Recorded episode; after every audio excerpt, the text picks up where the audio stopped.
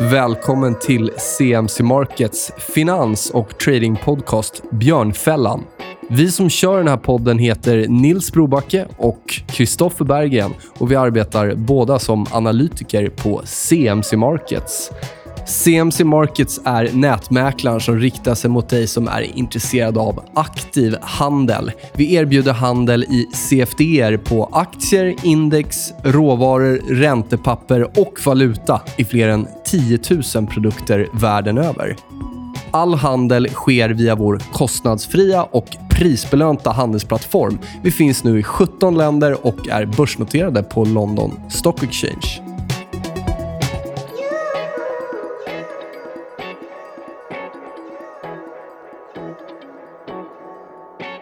Då kör vi igång här. Avsnitt 84 av vår podcast Björnfällan. Och vi har ett återbesök även det här avsnittet. Eh, det är Peder Durje från eh, Aktieansvar. Du förvaltar fonden Aktieansvar Saxum Aktiv. Stämmer. Tack. Välkommen tillbaka. Kul att ha dig här, Peder. Tack. Det är onekligen rätt mycket spännande just nu som händer på marknaden. Det var det förvisso förra gången du var här också, men det, det ska bli intressant idag. Du har ju ett eh, ganska brett makrofokus, får vi säga. Ja. Eh, vi kan väl ta den här första, vi kan väl ta den här första frågan. Vi behöver inte gå allt för djupt in på din bakgrund. Eh, de som vill höra liksom hela storyn där kan gå tillbaka till avsnitt 70.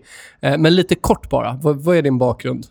Lite, lite kort kan man säga att jag har förvaltat den här allokeringsfonden Saxum Aktiv sen eh, juli 2015, så snart fem år.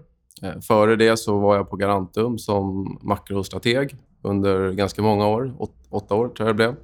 Och eh, före det så var jag i, i London och eh, handlade statsobligationer i tre och ett halvt år. Och, och innan det så var jag student. så att, eh, det var ganska kort. Kort och koncist. Om vi hoppar in direkt då. Eh, summera 2019. Vi behöver inte bli allt för långrandiga där, men vi, jag tycker ändå det passar att stämma av lite. Hur, hur ser, ser du på 2019? Jag tycker att 20, 2019 är på många sätt rätt likt 1999. Vi hade... 1998 så hade vi en ganska stor och snabb nedgång under eh, sensommaren och in på hösten när eh, Ryssland ställde in betalningarna på statsskulden och eh, Long Term Capital Management, den stora hedgefonden, eh, satte hela finanssystemet i, i gungning. Lite minus på navet där, va? Ja, det var, det, och det är en period som... Man pratar inte om den så ofta. Men det är faktiskt så att Stockholmsbörsen föll 39,5% på två och en halv månad. Eh, och ingen riktigt visste varför. För att det var först senare som det kom fram eh, allt som hände med long term capital management. Men Fed gick in, sänkte räntan, man samlade alla andra eh, bankchefer och lyckades avvärja situationen. Och Då blev det någon, någon sorts eufori som höll i sig i, i ett och ett halvt år efter det. Och Det var då som du såg Nasdaq tror jag gick upp någonstans 130-140 procent på eh, 300 handelsdagar eller någonting såg jag en siffra på häromdagen. Så parallellen är då höstens ras 2018 och sen uppgången som började i december, slutet av december eh, 2018 och sen föll ut hela 2019 egentligen. Exakt, Ja. exakt. Och, och skillnaden här är väl att eh, går vi tillbaka till 1999 så tror jag att eh, Stockholmsbörsen gick över 100% bättre än S&P 500 under eh, perioden som ledde upp till, till toppen i mars 2000. Eh, och så har det inte varit den här gången. Så det var det, intressant att se om man tog bort Ericsson ur den rörelsen. Hur, eh, hur hade det blivit då? ja, då hade det blivit annorlunda. Nej, men ga- ganska, ganska väldigt annorlunda. Ja. Så att det, Ericsson var ju eh, nästan halva Jag vet börsvärdet. inte vad den pikade på PE-mässigt, men det är ju... Ja, men det var över 100. Sådär. Ja. Så det är väl ja, kanske jämförbart med Amazon idag. Mm, mm. På, till, till, eh, till mångt och mycket. Eh, Men va, alltså varje cykel är ju annorlunda, så jag ska inte säga att det är exakt likadant. Men, men det finns en hel del likheter. Vad var det som förvånade dig mest under 2019? Eh, det är väl kanske att jag tycker att jag fick rätt på mitt makroscenario. Jag fick rätt på nästan alla tillgångslag som jag eh, investerade i, förutom på aktier. Och, så att jag, mitt scenario var ju att vi skulle studsa upp i början på 2019 och jag ökade upp aktier eh, inför det. Eh, men redan efter ett par månader så drog jag ner det ganska kraftigt och tänkte att vi hade börjat en bear market. Sen, och sen tyckte jag statistiken fortsatte att komma in för att styrka den tesen. Mm. Men, eh, men aktiemarknaden egentligen bara fortsatte upp under nu, hela året. Det såg ju väldigt mörkt ut där i, i augusti till exempel. Då var det ja, många som då, även som du då, som menade att recessionen var på gång där. Och sen fick vi det där ganska brutala rallyt upp, framförallt i USA under hösten. Ja, och det är det som jag tycker är det är det rallyt egentligen som jag tycker då är kanske mer likt om man går tillbaka till eh, till 1999 eller 2000. Alltså att det, att det var ändå... Det där kan ha varit slutet på den här cykeln för det har blivit ganska extremt nu. Eh, för många andra hävdar att vi har det här... Vi har en, en bra bit kvar eh, innan det punkteras. Och det är omöjligt att säga såklart, men, men jag, jag tror inte det. Hur såg din syn på räntor ut där 2019? För det var ju också något som, jag vet att i, slutet av 2018 där så var ju konsensus att vi, vi absolut inte skulle eh, krypa neråt i räntan i alla fall. Och, eh, sen stod vi där i, i somras och var nere vid 1,4% eller vad det var, amerikanska tioåringen. Det tror jag överraskade många. Ja, jag var ju positionerad för den räntenedgången. Mm. Eh, hade du frågat mig i slutet av 2018 om jag trodde att den skulle bli så stor så hade jag nog eh, inte trott det. Och, och framför allt inte trott att den har blivit så stor i ett scenario där aktiemarknaden går så starkt. Eh, och jag tror att det är det som är förmåna, var ganska förvånande. förvånande. När jag, jag tror det var när jag summerade halvårsrapporten, första halvåret 2019, så skrev jag det att eh, det, det, är väldigt unikt att ha en period på finansmarknaden där det i princip inte spelar någon roll vilka tillgångar man ägde allt gick upp över 10% nästan. Och, och, det var ju så mm. det var. Och eh, Sen så blev det lite annorlunda på hösten där eh, de här så kallade safe haven-tillgångarna mm. presterade jättestarkt i mm. augusti. Eh, och Sen så föll de tillbaka när aktiemarknaden mm. då tog ett rejält kliv upp under årets sista fyra månader. Mm. Och nu ändå, man sitter, visst guldet kom ner lite men gjorde sen en högre topp. Räntan började krypa upp men nu är vi nästan där igen. Så det, det är rätt intressant med tanke på var börserna står eh, idag, så nära all time highs. Ja, jo. Eh, du nämnde det att du, drog ner, du var med ett tag i aktieracet, så att säga, så drog du ner den vikten under 2019. Eh, kände du någon gång att Fan, jag måste in här igen för nu går det. Nu går tåget och jag måste vara med här. Eller rättare sagt, då, hur gör du för att inte dras med i den typen av känslomässiga beslut? Eh, nej, jag, jag, tycker inte att det var speciellt lockande. Och jag, jag, vet att många tycker det och tycker man inte det själv så kanske det finns någon chef eller någonting som tycker att det är lockande. Jag... Alltså vi, vi har ju den här vyn att aktier alltid stiger på lång sikt och att eh, om man missar en uppgång så, eh, så är man torsk. Eh, för det finns massa exempel i historien där man kanske tyckte att någonting läskigt hände och sen så gick aktiemarknaden bara upp därifrån.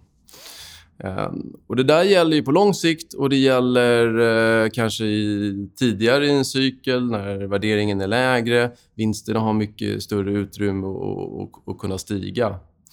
Ehm, men när man däremot är som nu, eh, någonstans i slutet på cykeln, värderingen är hög, vinstmarginalerna är höga, svårt att se att vi skulle få någon vidare vinsttillväxt eh, de kommande åren, så, så handlar det, tycker jag, mer om att avvakta eh, och så kan man ju ibland påminna sig om några historiska exempel. Till exempel börsnedgången 2000 2003 raderade hela överavkastningen på aktiemarknaden ända tillbaka till 1996. Nedgången 2007 2009 raderade hela överavkastningen på aktiemarknaden ända tillbaka till 1995 i USA. Så har alltså varit bättre under de där 14 åren och legat i en statsskuldväxel och, sovit gott och haft noll volatilitet i princip eh, än att ligga i aktier. Nu tog jag ju medvetet bottnar. Mm. Du skulle lika gärna kunna ta från toppar och sådär. Men så att vi har långa perioder i historien där man faktiskt inte förlorar någonting på att ligga utanför aktiemarknaden. Eh, sen är det klart att det är alltid tufft när man ligger utanför och, och, och det rusar och går upp väldigt mycket. Din granne blir väldigt rik. Folk börjar köpa nya saker och det verkar gå så himla bra för alla. Men eh, där gäller det att ha, ha disciplin och ganska mycket tålamod. Jag vet inte hur du ser på sentimentet, men om vi kollar i början av hösten. Jag vet att eh, det var någon undersökning som hade börjat 92. Jag tror jag aldrig hade sett så stora utflöden egentligen på på aktiemark globala aktiemarknader runt om i världen. För mig var sentimentet väldigt, väldigt bäsat och det var en av anledningarna till att Eh, jag hade en ganska positiv syn tillsammans med det tekniska. Om jag tittar nu så upplever jag verkligen att sentimentet har slagit över. Jag tror UBS kom ut för eh, någon vecka sedan med att liksom, det finns inga, inga hot mot den här bullmarknaden. Goldman Sachs var ute. Jag läste en artikel idag i DI att eh, det är 99 som kommer nu. Alltså för mig Eh, även om det har nu stigit här sen, sen coronabotten i början av februari så tycker jag att sentimentet har vänt om nu.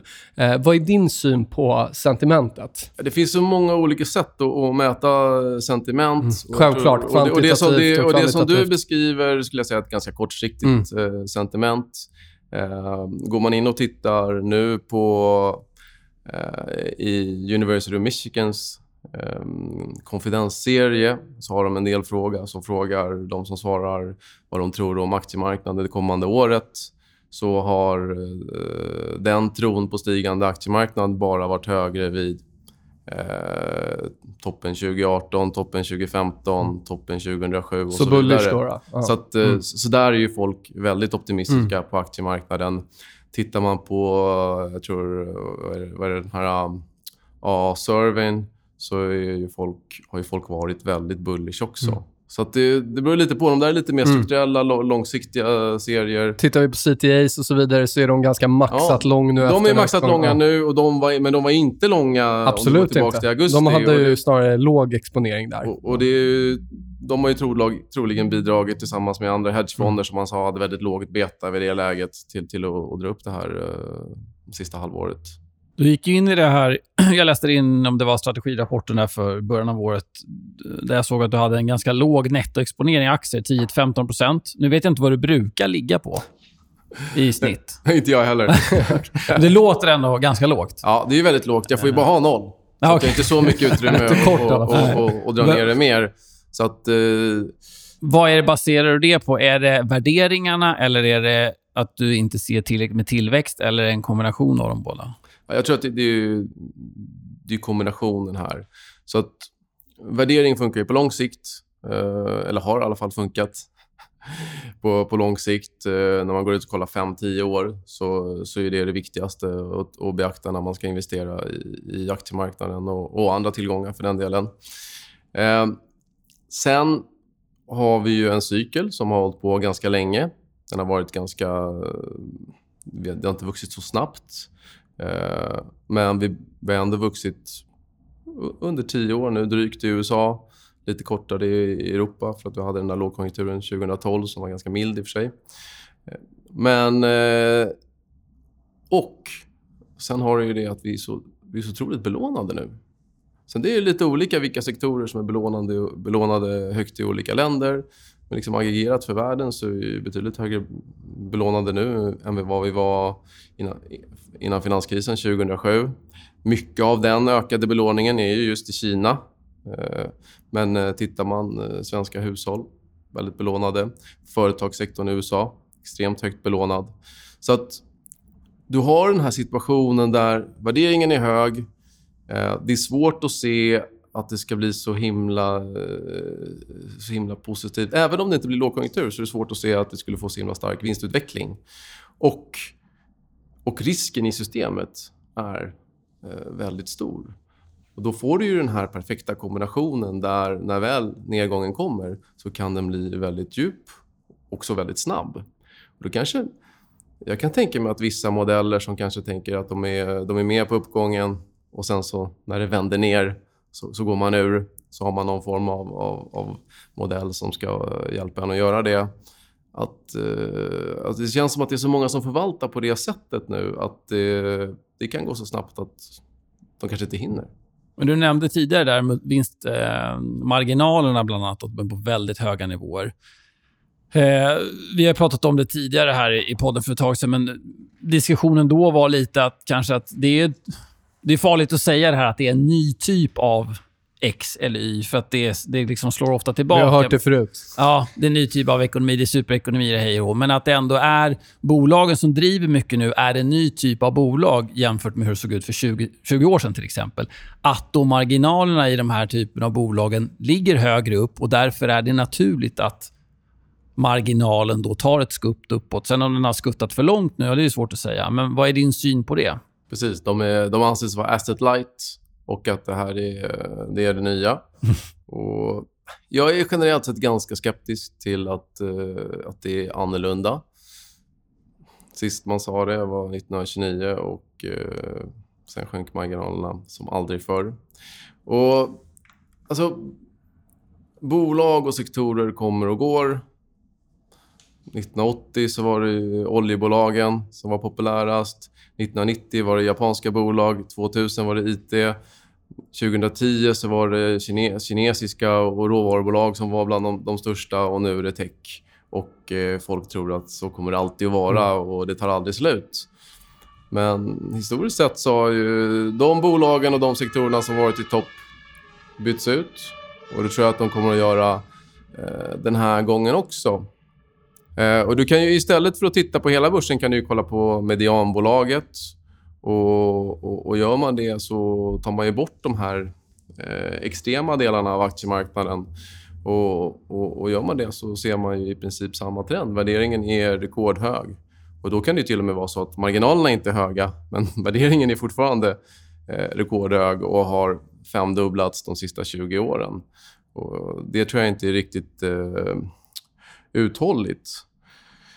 Det, är ju, alltså man, det finns många sätt att, att, att titta på det. Eh, vinsterna, eller om, eller om du tar försäljningen den här cykeln, den har vuxit med ungefär 3,5 procent. Alltså ungefär som, som ekonomin. Eh, inte sådär jätteimponerande. Och, och börjar du titta i nationalräkenskaperna, du kan ju räkna ut vinsterna där också, så har de i princip stått still de sista fem åren. Historiskt sett har de här följt varandra väldigt bra. Och, eh, men nu har du en situation där de har glidit isär, där eh, eh det som då rapporteras från bolagen, ska man säga, för att det är ju så som de väljer att rapportera, inte baserat på, på någon form av redovisningsprinciper, så, så är det gapet större än vad, den, än vad det har varit sen just 2000. Där har du en till likhet med, med börs, börsen nu och eh, 2000. Och från ett nationalekonomiskt perspektiv så är det så att eh, överskott i en sektor ska balanseras med underskott i, i, i någon annan sektor. Och överskotten i företagssektorn är, har varit väldigt höga. Eh, och då har vi haft stora underskott i, i statens eh, hos staten och mindre överskott hos hushållen. Och det där tror jag inte är riktigt uthålligt. För om du tänker dig den, all den här, den här populismen som vi har sett under senare åren, den politiska polariseringen. Eh, den har ju i alla fall delvis kommit på grund av att klyftorna är så pass stora. Klyftor i förmögenhet, klyftor i inkomster. Och om inte marknaden själv normaliserar eller, eller, eller, eller, löser den här situationen så kommer vi så småningom rösta fram någon som, som gör det åt oss. Sen om det är Bernie Sanders, eller Elizabeth Warren eller, eller någon annan. Men, men jag tror att det, eh, det, det, sätter för stor press på, på samhällsstrukturen. Så att på ett eller annat sätt så kommer de här marginalerna att, eh, att urholkas. När vi ändå är inne på det amerikanska valet där, eller du nämner några kandidater. Nu, nu kanske de inte står så jättehögt upp i kurs, i alla fall inte en av dem. Vad, vad tänker du kring valet och eh, ja, hur ser du på det? Jag tänker inte så mycket. Du tänker, Elizabeth Warren har ju fallit från att vara eh, ligga topp top i, i mätningarna till att och, och nästan vara var på väg ut, skulle jag säga. Så det är Bloomberg som har tagit hennes plats lite? Ja, först var det Buttigieg och sen ja. så Bloomberg och, och nu, nu ska man ju ta de här bettingmarknaderna med en nypa salt, tycker jag. Mm. Och, och, men det är klart att visst vore det underhållande att få en... och, få Donald Trump mot Bernie Sanders i, i, i debatterna. Det blir bra underhållning, ja. om inte annat. Jag är inte så... Bloomberg har seglat upp här på slutet och, och folk är entusiastiska. jag har lite svårt att se att han skulle kunna locka de här eh, snittväljarna ute i landet i så stor utsträckning. Så där tror jag att... Eh, alltså jag, jag har i, mitt centrala scenario är att Donald Trump kommer att bli återvald. Eh, men eh, vem vet? Kommer du positionera någonting inför valet eller blir det vad det blir, så att säga? Nej, det är en, det, det, alltså enda gången jag tycker att du ska ta, alltså man kan ta en pos, positioner baserat på till exempel ett, ett politiskt event sådär, det är ju om man tycker att marknaden helt prisar det här fel. Eh, Brexit är ett bra exempel där vi sjönk inför och sen gick vi upp 10% alltså veckan innan eller någonting och egentligen helt prisade bort scenariot. Eh, och, och då kändes det ju lämpligt att ta ner risken inför det. För att, det- för att det fanns begränsad uppsida men ganska stor nedsida. Det handlar om risk-reward för det. Ja.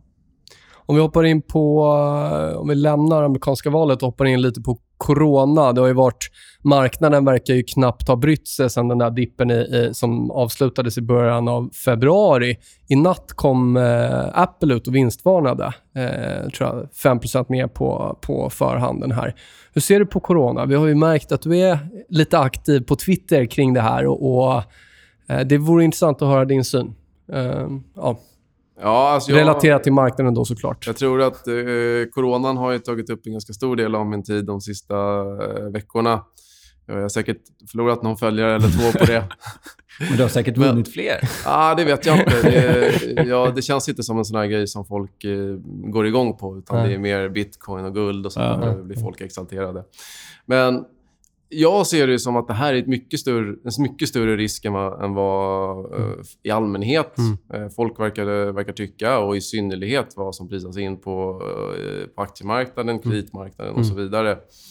Så att... Eh, Och som du sa om Brexit, vi prisade in lite risk när det blev, kom ut, när det Mm. började, liksom, dödstalen började stiga. Det visade sig att det var fejksiffror och så vidare. Men sen har det bara studsat. Och nu är det som att nu har ingenting hänt. Så Fast gjorde vi nya högsta liksom. Ja, och det är, ju, det är ju förbryllande, men jag, eh, jag tror att marknaden har tolkat det så här att eh, eh, det är inte så farligt och det kommer snart att eh, dö ut och då blir, kommer det bli en, en, en V-studs. Mm. studsar upp snabbt. Samtidigt som det här gör att centralbankerna Ja. eh, stimulerar mer och längre. Så det, blir ingen liknande V-formation där. Alltså så, så kan vi handla upp det på det. Mm. Eh, Eller så är det bara momentumpengar och folk som är mer långsamma. Men jag tycker att det, det är anmärkningsvärt hur man till exempel på svenska nyheter knappt har tagit upp det. Nu var det ett ganska långt reportage igår på Aktuellt.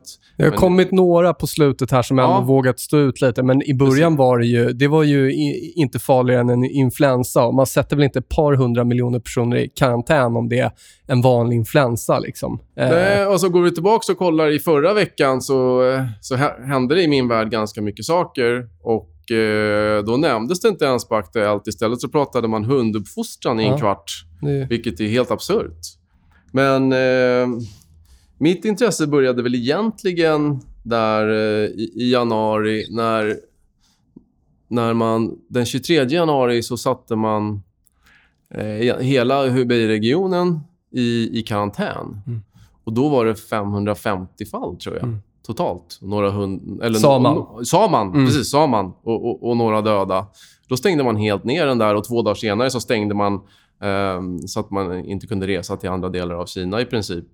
Och idag så, så tror jag det var CNN senast igår som sa att det var 780 miljoner människor som på något sätt var begränsade i sin rörlighet. alla som kommer in i Beijing eh, Ja. sätts i karantän. Och det är klart att det här får ju eh, jättekonsekvenser för, eh, för många saker, sen är det, eller på många områden. Men sen är det klart att eh, skulle det vara över nu, som jag tror att Kina är rätt måna om att ge det intrycket. Eh, det, allt jag har lärt mig om, om sjukdomen tyder på att det är alldeles för tidigt att dra de slutsatserna. Mm. Men då är det klart att det, det bara blir en liten blipp, så hack i kurvan, så som alla storbanker säger att det ska bli.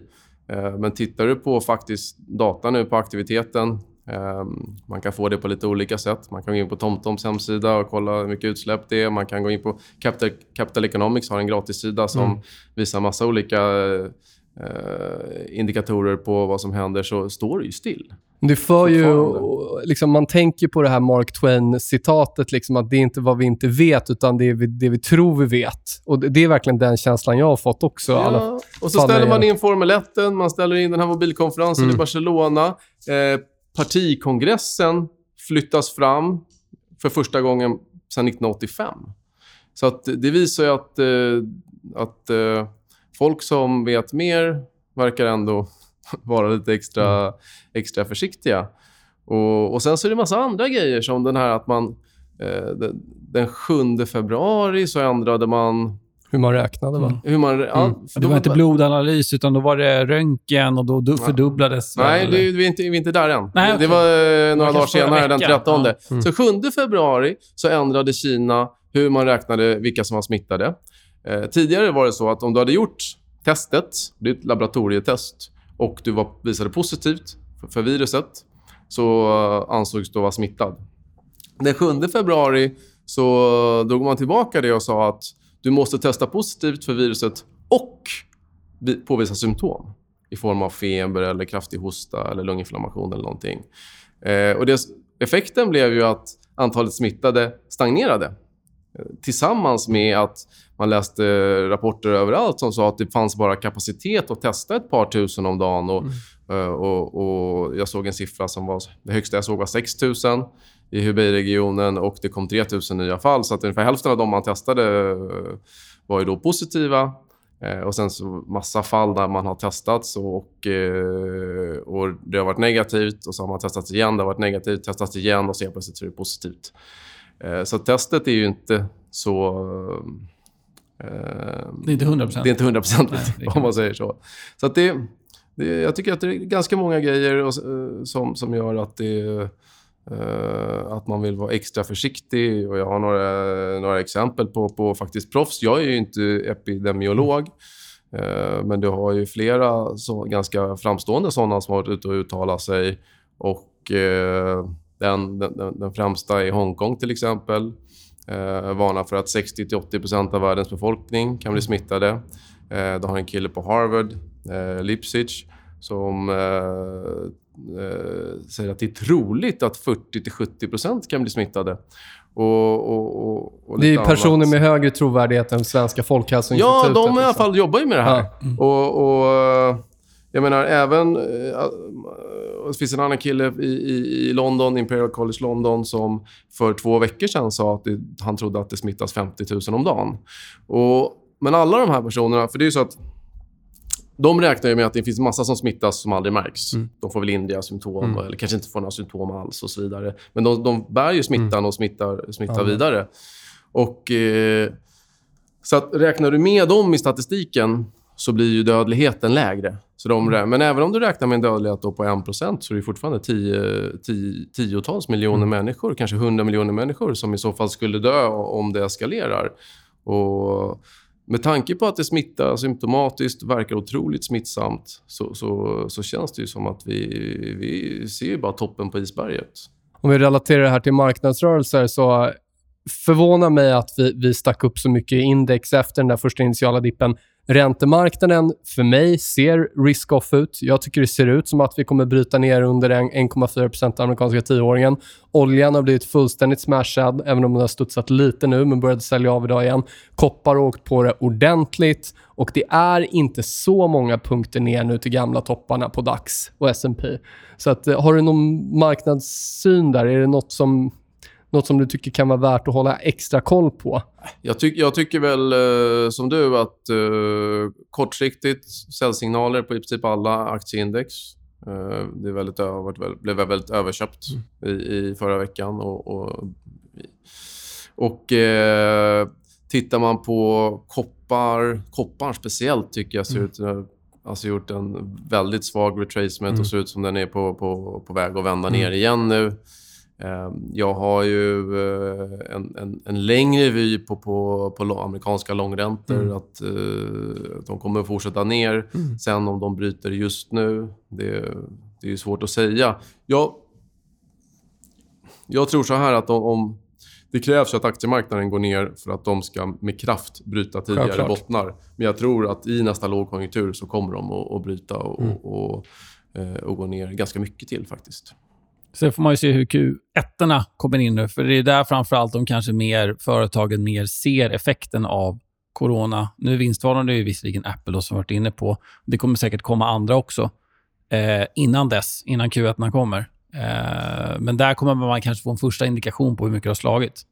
Ja, alltså det, det, det kanske inte räcker. Då. För om du tittar på hur man hela tiden hur marknaden har agerat under det sista året så känns det som att alla dåliga nyheter är hela tiden kortsiktiga. Man tänker att det är ingen idé att handla ner aktier för att det kommer ju ändå bli bra sen. Mm. Det är ju, eh, eh, vinsterna sjönk under förra året mm, globalt sett och, eh, och aktiemarknaden var upp vadå, 30 eller i kronor över 30 i alla fall. Eh, kronan försvagades ju lite. Så att om det bara är... Jag tror vi måste se fler, mer indikationer på att det här blir, att det blir långvarigare än bara första kvartalet. För om det bara handlar om första kvartalet så kommer marknaden att fortsätta och, och tänka på det här som att Det är tillfälligt. det var tillfälligt och i nästa kvartal blir det bättre. Och återhämtningen fortskrider. Jag ser det ju som att vi bromsade in under i princip nästan hela förra året. Fick lite uppstuds i liksom inköpskraftsindex och sånt där i slutet på året. Eh, men en kraftig försvagning. Och såna försvagningar sker kontinuerligt i, i cykeln. Men det är när du är i en sån svacka som du kan få en chock som faktiskt eh, stjälper över dig in i lågkonjunktur. Och det kan egentligen vara vad som helst som är den där chocken. Och det kan vara coronaviruset, men det kan, det kan också vara något annat. Ja, precis. Har du någon syn på Tyskland? då? Jag tycker det kommer in mycket statistik från Tyskland som är faktiskt riktigt dålig. Ja. Senaste dag kommer, nu är SEV är ju känslomässigt, alltså ditt sentiment, så det baseras ju på mycket som händer runt omkring. Men industriproduktion, BNP, alltså det är ju ingen ekonomi som liksom går i frammarsch här i Europa. Jag tror jag tweetade nyligen att man borde lägga ner. Det, Jag tycker att det känns som ett, jag har alltid tyckt att det känns som ett index som i princip säger vad aktiemarknaden redan har sagt. Eh, så det är rätt meningslöst. Men om man kollar på mer hårda data. Ja, alltså in, men, men det är ju vad alla säger. Ah, men det, är bara in, det är industrisektorn. Övriga ekonomin är fine. Och, och så har det ju varit hittills. Frågan är om det kommer nu att spilla över. Alltså en redan svag industrisektor och så kommer den här chocken från Kina med viruset. Så, så är det möjligt att det, att, det, att det faktiskt spiller över. Och centralbanken har inte så mycket utrymme att stimulera. Den tyska staten kan ju starta, starta finanspolitiska stimulanser, men det tar ju tid. Mm. Det tar ju tid. Deutsche upp 60% sedan november. Ingen köprek av någon av Wall Street-bankerna. Men där, vet jag, där hade du inte så mycket att säga. Eh, det är en brutal Nej. short squeeze i alla fall. Och det är inte enda europeiska banken som har gått bra i alla fall sen under hösten. Nej, men alltså det, det är svårt att, att uttala sig. Mm. Alltså Dodges problem tillsammans... Egentligen, Dodge är på något sätt bara en... Posterboy. Eh, ja, en posterboy, Mm. den, den värsta i klassen Mm. om man säger så. Men problemet för dem är att de har svår, svårt med intjäningen. Mm. Svårt att tjäna pengar och samtidigt som man har liksom släpat efter och inte rensat upp i balansräkningen och blivit jättetyngda med regleringar på, på jättemånga olika områden så har det varit för mycket. Och Då har man fått dra sig tillbaks globalt. Och för Dodge var ju, det var ju där man tjänade pengar, utanför Tyskland. Och ska man helt plötsligt bli en mer tysk bank nu och den tyska inhemska marknaden är ju bedrövlig. Det är, det är, ju det är fullt med, med aktörer som inte har något vinstmotiv som pressar ner marginalerna på, på, på alla typer av, all typ av utlåning. Så det, det är ju tufft för dem. Jag vet inte om det här är, är botten för Dodge. Om man är, om man är negativ på liksom hela aktiemarknaden som jag är så är det svårt att se att vi har sett botten i, i bankerna. Sen så kan jag ju tycka också att banksektorn är ju en av, speciellt i Europa, Mm. inte så mycket i USA. Eh, Det är i alla fall ett ställe där du kan hitta relativt sett mer, mer värde. Men det har ju att göra med att eh, dels att de har tyngts av de här sakerna som jag nämnde, men också att eh, det finns lite av en strukturell tro att eh, med kryptovalutor och sånt där, vi, kommer, vi kommer gå bort från, från bank. Det är så förlegat tänk. Vi kanske inte kommer hålla på med det och det kommer vara peer-to-peer lending och allt sånt där. Och, eh, det vet jag inte om jag, om jag tror. Vi ändå är Eh, Inte det kortare perspektivet i alla fall. Så att, eh, När vi ändå är inne på finans, vi tar kort om eh, USA där XLF handlas nu vid 2007 års toppnivåer. 13 års kräftgång. För mig på lång sikt etablering över måste ändå tolkas som ett styrketecken efter så, så tråkig eh, så tråkig och lång eh, marknad. Dock på kort sikt ser den ut som den börjar vända, vända ner här under igen. Har du någon syn på amerikanska finansmarknaden? Och, och... Den såg lite topp ut, tycker jag. Mm. Nej, ja, det, du har ju inte samma... Jag skulle säga att banksektorn i USA känns liksom ganska normal ja. eh, värderad eh, på bara så enkla mm, värderingsmått. Mm. Sen så är det, det är ju lite för enkelt när man ändå pratar banksektorn. Mm. Bankerna är de rätt komplicerade, mm. komplicerade djur. Men eh, alltså jag tror inte bank... Det kommer inte vara det som leder nedgången när Nej. den kommer. Det kommer ju vara eh, relativt sett, om man är lång kort, så mm. kan det nog vara bra att vara lång bank. Men jag har samtidigt svårt att se att, uh, att den här, ut, som du snackar om, mm. att det håller på att bryta ut nu. Mm.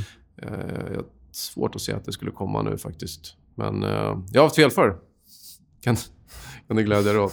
Alltid tidshorisonter, eller hur? Ja. Tittar man på regional banks och brokers deals och sådär så har de, liksom, var de uppe och petade och gjorde nytt text. Och jag tror förvisso som att på kort sikt så tycker jag det ser ut som att vi ska ner en bit. Men, men i det stora hela så, så lång base, eh, så lång konsolidering ändå i 13 år. Eh, ja, finans eh, känns ändå som ett intressant bett på, på längre sikt, tycker jag. Eh, vi måste prata lite också om hur eh, du är allokerad i fonden.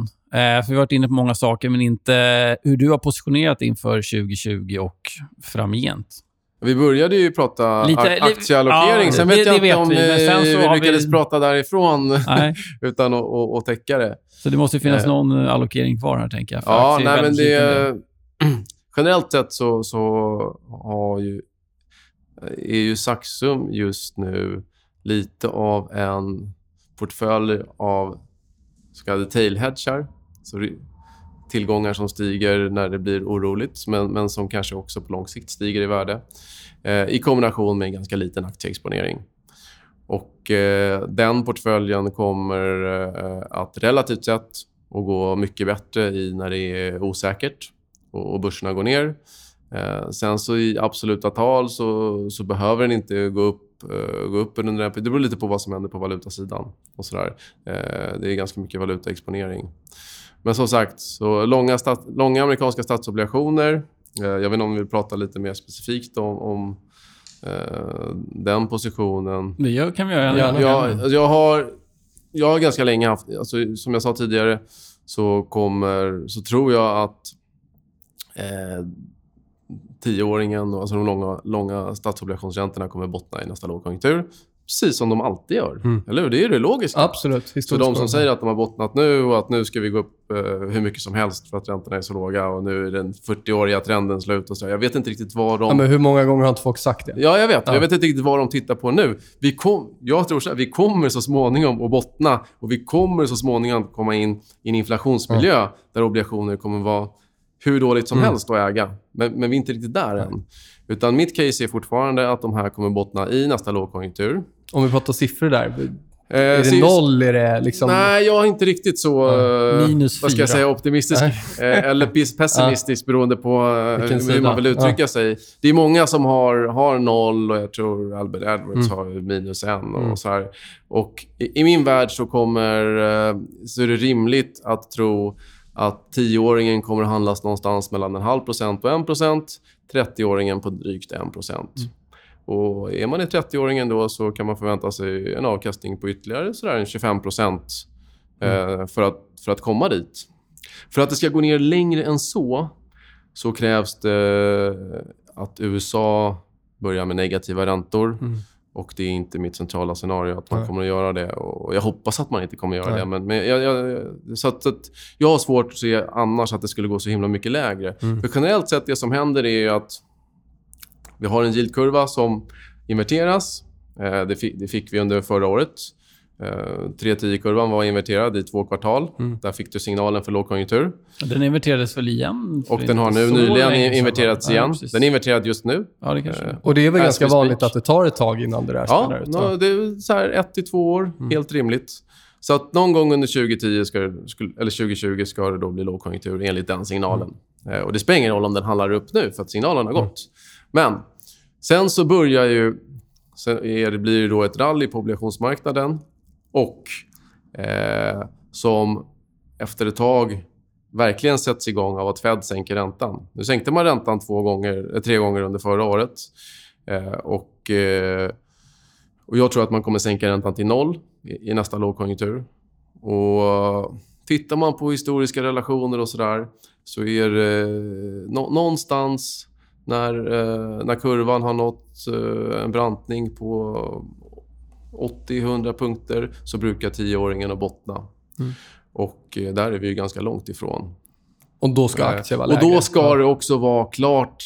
De flesta ska i alla fall tycka att vi är i lågkonjunktur. Mm. Och det är vi absolut inte på Absolut nivå nu. inte. Därför har jag väldigt svårt... Och samtidigt som jag har... Om jag tittar på liksom ledande data för inflationen så tycker jag det snarare ser ut som att den kommer att falla tillbaks under det kommande året eh, än, än, än annat. Så att, så att jag har svårt att se att vi skulle... Alltså jag tror botten på räntorna ligger framför oss. Mm. Eh, Så du håller kvar den positionen? jag håller kvar den Ja. positionen. Och eh, Det som är lite tråkigt i den här miljön som vi är i nu, det är att guldet till stor, till stor del handlar eh, på ett liknande sätt. Mm. Det har att göra med att det, det är realräntan som styr det. Och, eh, och det behöver det inte alltid vara på längre sikt. Eller att realräntan påverkas av att inflationen rör sig. Eller, in, inte på grund av att de nominella räntorna rör sig. Men i den situationen vi är så, så är det så och därför är guld och statsobligationer mer korrelerat än vad det skulle behöva vara. Eh, Det går inte att göra så mycket åt. Men, eh, så att i det här scenariot så är jag också positiv till guld. Jag tror att guldet kan eh, nå alltså, tidigare topp, toppar under det närmaste året kanske. Till och med. Så det, är, det, är inte så, det är faktiskt inte så långt kvar. Ja. Det är nog 20 procent eller någonting. Samtidigt finns det lite utrymme för rekyl också. Innan Ja, det. absolut. absolut. Det är, om man kollar på, på, på, på terminsmarknaden och folk är positionerade så är det, rätt, det är ganska stretchat. Mm. Men eh, jag vet inte. När det väl, när det väl går Mm. så, så, så kan det gå ganska snabbt. Jag tycker vi i den här rörelsen vi har haft sista tiden så saknar vi någon form av liten blowout Mm. eh, i guldet. Du kan hävda att det var det vi såg eh, med den lilla korta konflikten Mm. med Iran i början på året. Men jag vet inte, det var inte så många som var i marknaden då. Jag tycker inte det riktigt känns övertygande. Har du läst något om JP Morgans eh, manipulation där, guldpriserna? Eh, Det försvann ju rätt bra i det nyhetsflödet, men, men eh, har kommit upp här lite på slutet. Och, Nej, Jag har faktiskt inte läst om just deras Nej. manipulation, men det finns ju många som många goldbugs som ja, det är ju eh, det, är det klassiska argumentet. Det var därför det blev lite intressant att när det kom upp. Att det manipuleras. Ja, Och jag tycker så här att ja, det kanske det gör, Mm. men manipuleras inte alla tillgångar Jo, framförallt nu. på ett eller annat sätt. Just nu känns det Mm. som att det Mm. som aldrig Mm. förr. Skill ja, skillnaden här var väl att det faktiskt började, enligt vad jag läste, faktiskt ja, har liksom ett åtal på gång. En sån här, Ja, men Ja. alltså visst, de manipulerade LIBOR, de Ja. manipulerade valutamarknaden. Finns Sant. det någon marknad Sant. de inte har åkt dit för att de manipulerat? sant. Så att jag vet inte varför Nej. någon är förvånad och det är väl ingen skillnad med, Nej. med, med guldpriset. Nej. Men, eh, Fair enough. så att eh, det, det är allt jag har att säga om det. Ja, det är bra. När vi pratar manipulering så måste vi, och vi pratar safe assets, här, guld och räntor och så vidare, så måste vi också prata om Fed. Vi har ju tjatat om det mycket. Deras balansräkning krympte och då blev det lite oro. Och Sen så nu har man dragit igång eh, de tillgångsköpen igen. Men det är som man så fint säger inte QE den här gången, utan det är någonting annat. Vad, vad är din syn på det där? Då? Marknaden älskar det ju. Trump älskar det ju. Men eh, vad tycker Peder? Eh, alltså hela den där diskussionen med om det är QE eller inte QE är ju rätt absurd, tycker jag. För att om du har...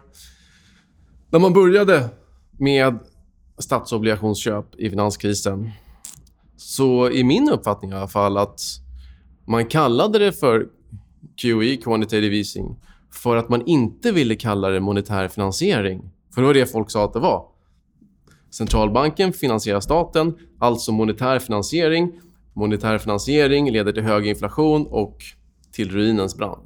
In i, på ruinens brant. Eh, så då kallade man det för, för, för QE. Och, eh, och sen så gjorde man flera såna program. Där jag tror att de första två programmen var det så att eh, man nog kanske kan säga att de eh, förde in pengar i systemet och att det troligen bidrog till att eh, tillgångspriserna steg. Eh, det kan man i alla fall gissa sig till lite. Det bidrog till stabilitet i alla fall. Mm, men första. sen, sen införde man ju interest on excess reserves. Eh, och Det gör ju att all överskottslikviditet som man tillförde kunde ju sättas in på centralbanken till en ränta. Och Då fanns det egentligen inget uppenbart incitament i systemet för att de här pengarna skulle liksom eh, komma ut i marknaden.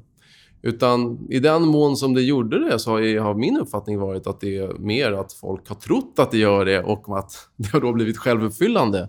Eh, och Det är någonting som kommer eh, for, fortsätta att vara självuppfyllande tills den dagen någonting händer och det börjar gå åt andra hållet och det faktiskt inte funkar. Och Jag tror att vi nog är ganska, ganska eh, nära där.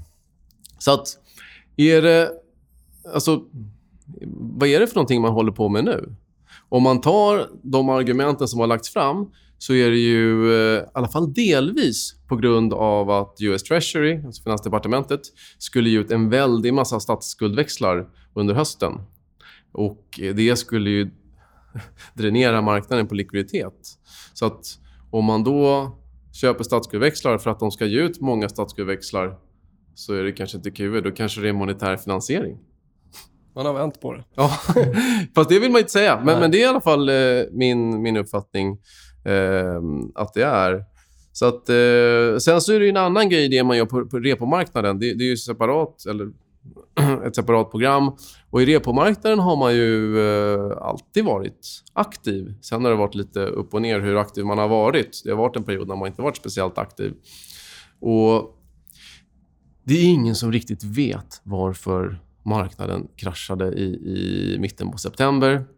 Eh, Jag tycker alla de här argumenten som har lagts fram, att ja, det var stort utbud på statsskuldväxlar, det var skatteinbetalningar eh, och, och Ja. det var nära kvartalsskifte och, och alla de här. Allt det där visste ju alla. Det har vi ju alltid vetat. Och, och, så att... Så att jag, jag vet inte. Jag, jag tror att det är någonting annat. Jag tror inte att Fed själva förstår vad det är. Det är därför man bara kastar massa pengar på det och hoppas att det ska försvinna. Eh, och vi får väl se nu. Nu eh, började man ju den här veckan att minska lite eh, det programmet. Ehm, eh, sen hör man anekdotiskt att det är för att eh, alla hedgefonderna använder det på marknaden för att belåna sig och köpa aktier eller den tillgången man vill köpa. Och att det du skulle drivit upp aktiekurserna. Jag vet inte, jag har lite svårt att se det. Att, eh, att, det, att det skulle få så stor Mm. effekt. Dollar- I dollar min värld är det mer det allmänna sentimentet att man hela tiden vill ha en ursäkt för att ta risk och hela tiden ha en ursäkt för att bel- belåna sig mer. Man tänker liksom aggregerat i systemet. Eh, och och det, det fortlöper tills den dagen det inte gör det. Och Då ska det, allt det här unwindas. Och Då kan det bli ganska läskigt. Vi har ju nästan pratat om allt nu, men dollarn. Ja, Ska vi prata om dollarn? Ser ut som att den igen är på väg att squeeza högre här. Eh, såg ut som den eventuellt hade toppat, men nu börjar liksom dollarindex och eurodollar blir, euron blir fullständigt slaktad mot dollarn och sådär. Vad, den är otroligt viktig. Och Ja. Vad har du för syn där? För jag vet ju att du, du bryr dig jag, mycket jag har varit eh, positiv till dollarn eh, ganska länge. Och när jag satt här för ett år sedan så tror jag att jag trodde att ett år framåt, alltså nu, så skulle jag inte längre vara positiv till, till dollarn. Men som, som såna här saker fungerar så, så är det. Ja. Eh, för hela tiden tycker jag att det här scenariot har eh, skjutit framåt. Jag har svårt att se att kronan skulle börja en lång period med att stärkas nu eller att dollarn skulle börja försvagas nu när jag tror att vi är så nära eh, ett, en lågkonjunktur och ett Mm. dåligt ekonomiskt scenario.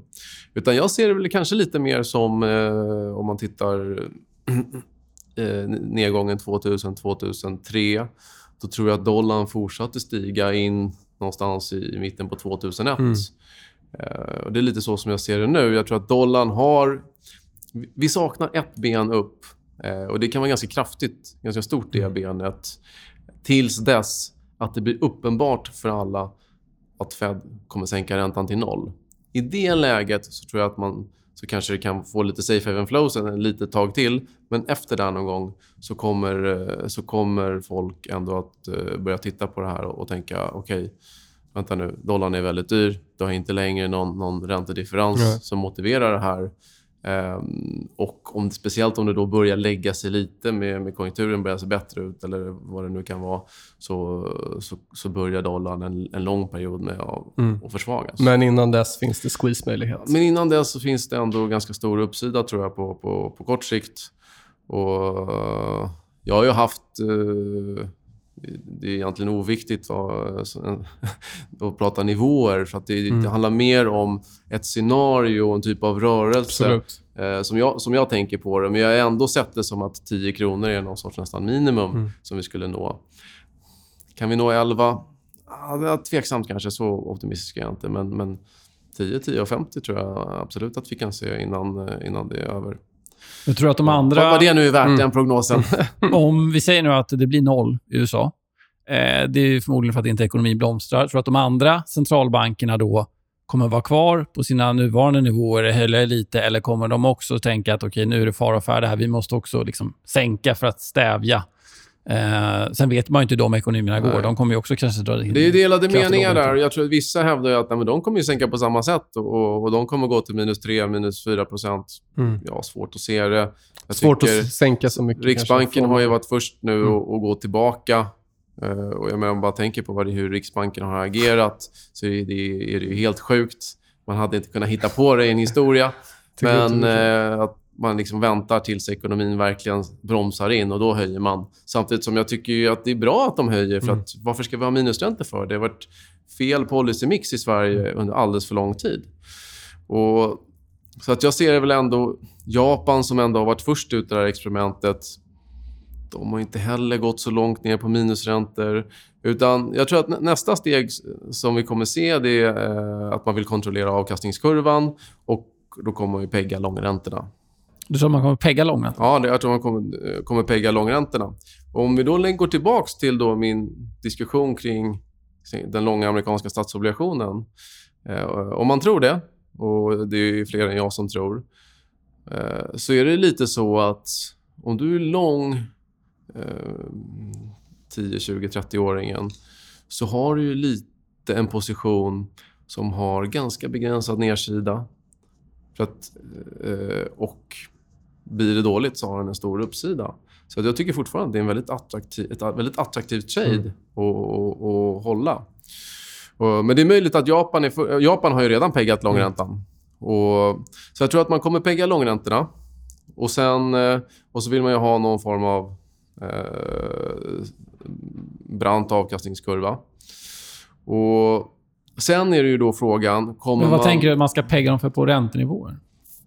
Uh, det beror lite det är på. Lite jag, tänk, jag, jag tänker mig så att, uh, säg att tioåringen då handlar ner till en halv eller något sånt mm. där. Uh, en, en, mellan en halv och en, som jag sa tidigare. Så tror jag att man kanske peggar den där nere någonstans på 1 någonting och så har man nollränta. Då har du i alla fall en, en, en uppåtlutande avkastningskurva. Och sen så kanske eftersom, allt eftersom ekonomin så repar sig, ja, så låter man den gå upp lite till mm, 1,5-2 mm. Men det innebär att Eh, även om jag tror att inflationen kommer komma tillbaka i nästa cykel och att obligationer kommer vara en usel tillgång eh, så menar jag ju i reala termer. För i nominella termer så tror jag inte att man kommer torska speciellt mycket på en statsobligation mm. någonstans egentligen mm. i, de, i de länderna som har en, en egen valuta och, och, kan styra det där. Så att, och sen är det ju frågan då, kommer vi att hur, vad kommer nästa steg att bli för de som inte kan, kan sänka räntan eller när man vill göra någonting mer? Blir det helikopterpengar? Skickar vi in direkt centralbank till privatpersonen, privatpersoner? Eller blir det MMT? Att det går via staten och staten eh, spenderar en massa. Eh, något av dem tror jag att det kommer bli, men jag vet inte vilken väg man kommer, man kommer att välja. Men det kommer ju vara på ett helt annat sätt än vad kvantitativa lättnader har varit. Det kommer inte alls vara lika positivt för finansmarknaderna, även om de initialt kommer stiga på det här eh, och om vi har liksom haft en, en bear market bakom mm. oss. Så, men det kommer däremot kommer troligen vara det som leder oss in i en period med mycket högre inflation.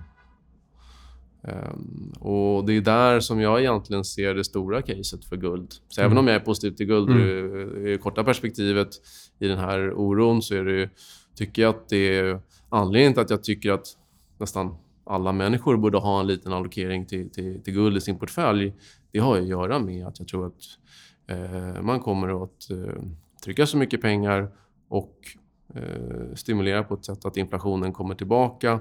Och då känns guld som en väldigt bra tillgång att ha i, i, i portföljen. På sikt kanske även silver eller någonting Mm. sånt där. Jag tror inte det är ett bra läge.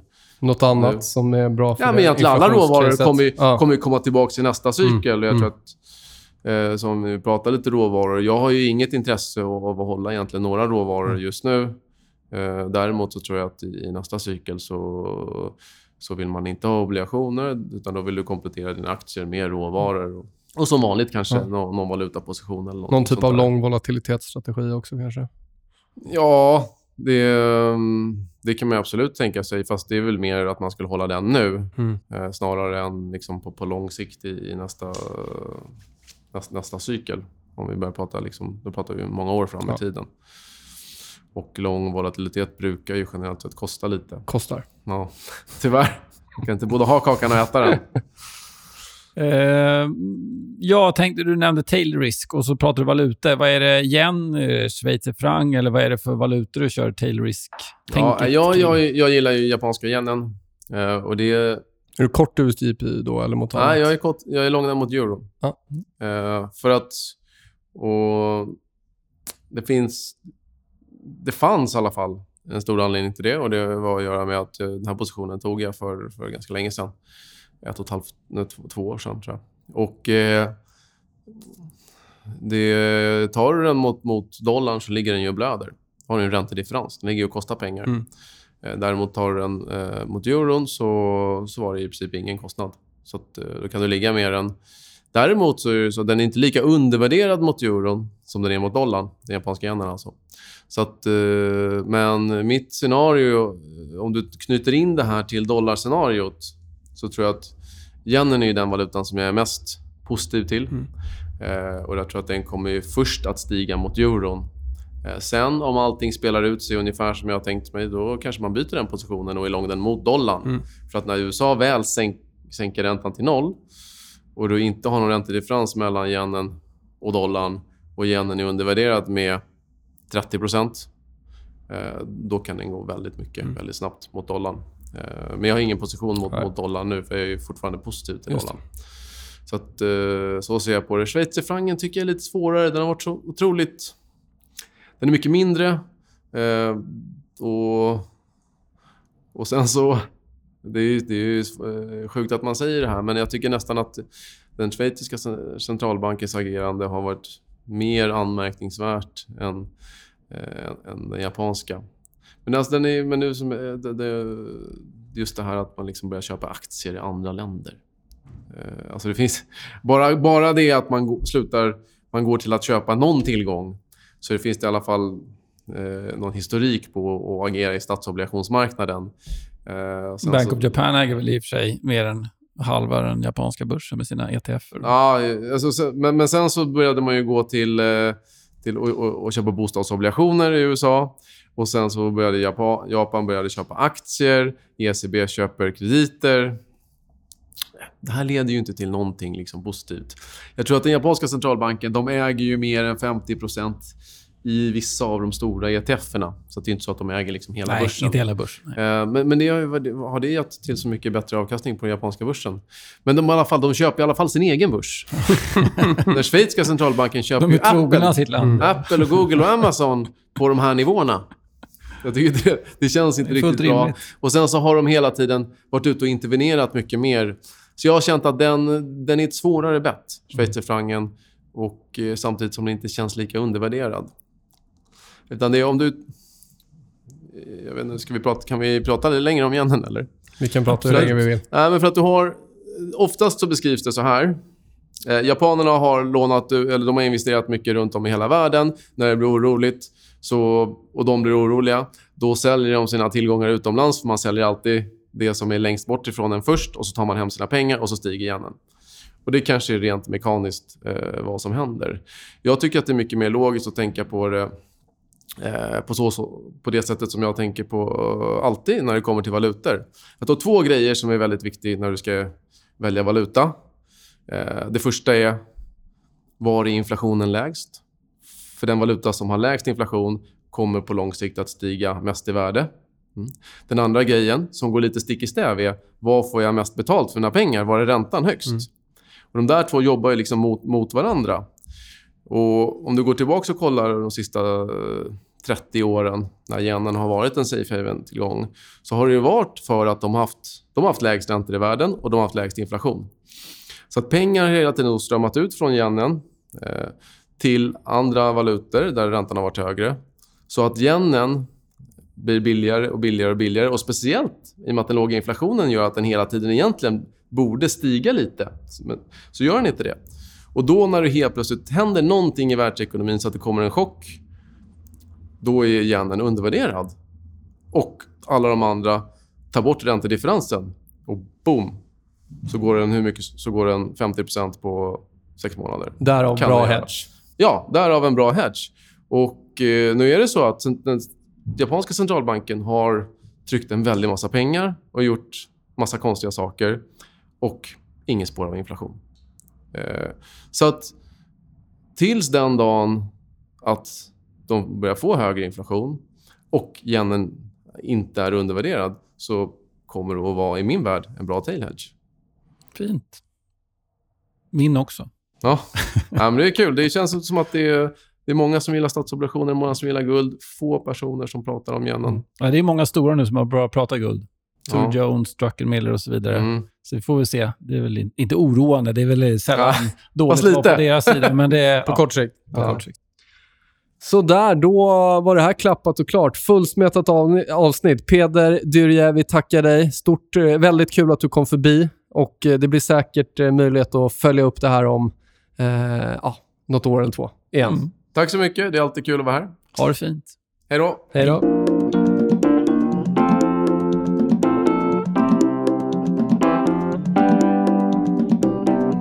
Sådär, avsnitt 84 klappat och klart. Hör av er till oss om ni har några frågor eller funderingar, några förslag på gäster eller teman. Är det något annat som vi ska nämna, Kristoffer? Ja, jag eh, kan ju nämna att fonden finns i eh, PPM, Eh, vilket kanske inte är så vanligt för en eh, global allokeringsfond som det här är med tanke på den ja, vad ska vi säga, rensning som har skett i eh, PPM-systemet. Så det är väl lite intressant. Och sen så finns det på de vanliga andra så att säga, plattformarna för fonder. Då säger vi så. Ha det gott.